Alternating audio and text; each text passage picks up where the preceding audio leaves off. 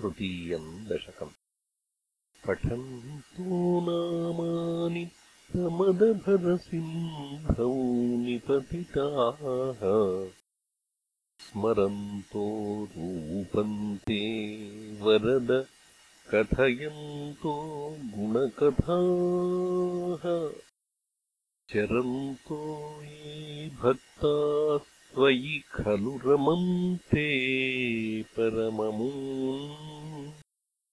अहम् धन्यान् मन्ये समधिगतसर्वाभिलषितान् गदक्लिष्टम् कष्टम् तव चरणसेवारसभरेऽप्यनासक्तम् चित् भवति। बत विष्णो गुरुदयाम् भवत्पादाम्भोजस्मरणरसिको नामनिवहान् अहम् गायम् गायम् कुहचन विवत्स्यामि विजने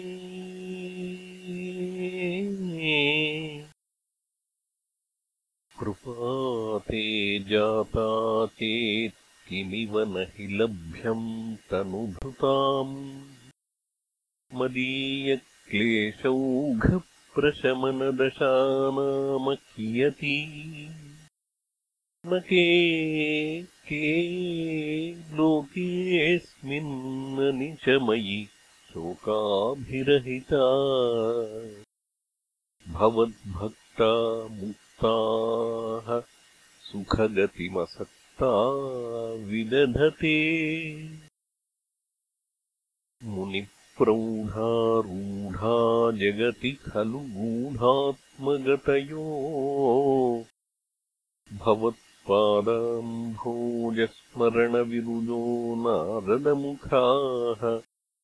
चरन्तीश स्वैरम् सततपरिनिर्भातपरचित्तदानन्दाद्वैतप्रसरपरिमग्नाः किमपरम्?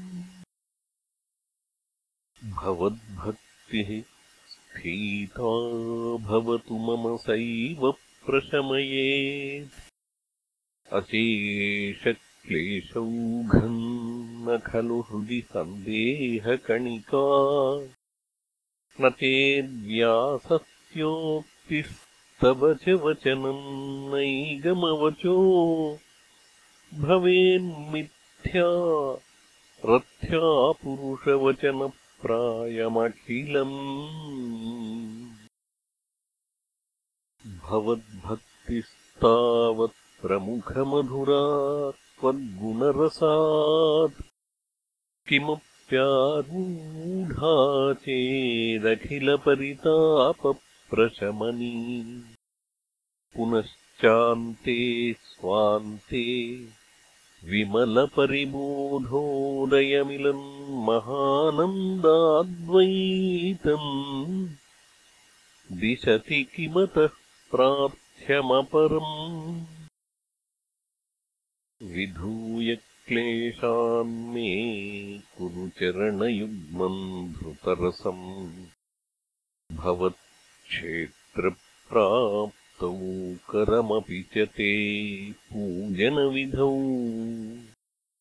भवन्मूत्यालोके नयनमथते। पदतुलसीपरिघ्राणे घ्राणम् श्रवणमपि ते चारुचरिते। प्रभूताधिव्याधिप्रसभचलिते मामकहृदि त्वदीयम् तद्रूपम् परमरसचिद्रूपमुदीयात्। उदञ्च रोमाञ्चो गलितबहुहर्षाश्रुनिवहो यथा विस्मर्यासम् दुरुपशमपीडापरिभवान्। मरुद्गेहाधीश त्वयि खलु पराञ्चोऽपि सुखिनो। भवत्स्नेही सोऽहम् सुबहुपरितप्ये च किमिदम् अकीर्तिस्ते मा भून्वरद। गदभारम् प्रशमयन्। भवद्भक्तोत्तम् सञ्झटिति कुरु माम् कंसदमन